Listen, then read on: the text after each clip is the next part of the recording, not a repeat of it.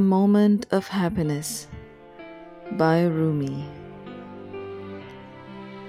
A moment of happiness, you and I sitting on the veranda. Apparently two, but one in so. You and I.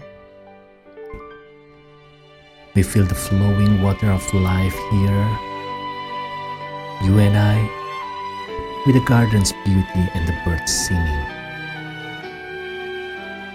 The stars will be watching us, and we will show them what it is to be a thin crescent moon.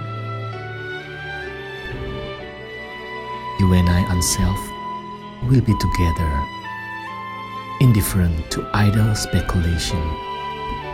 You and I. The parrots of heaven will be cracking sugar as we laugh together, you and I.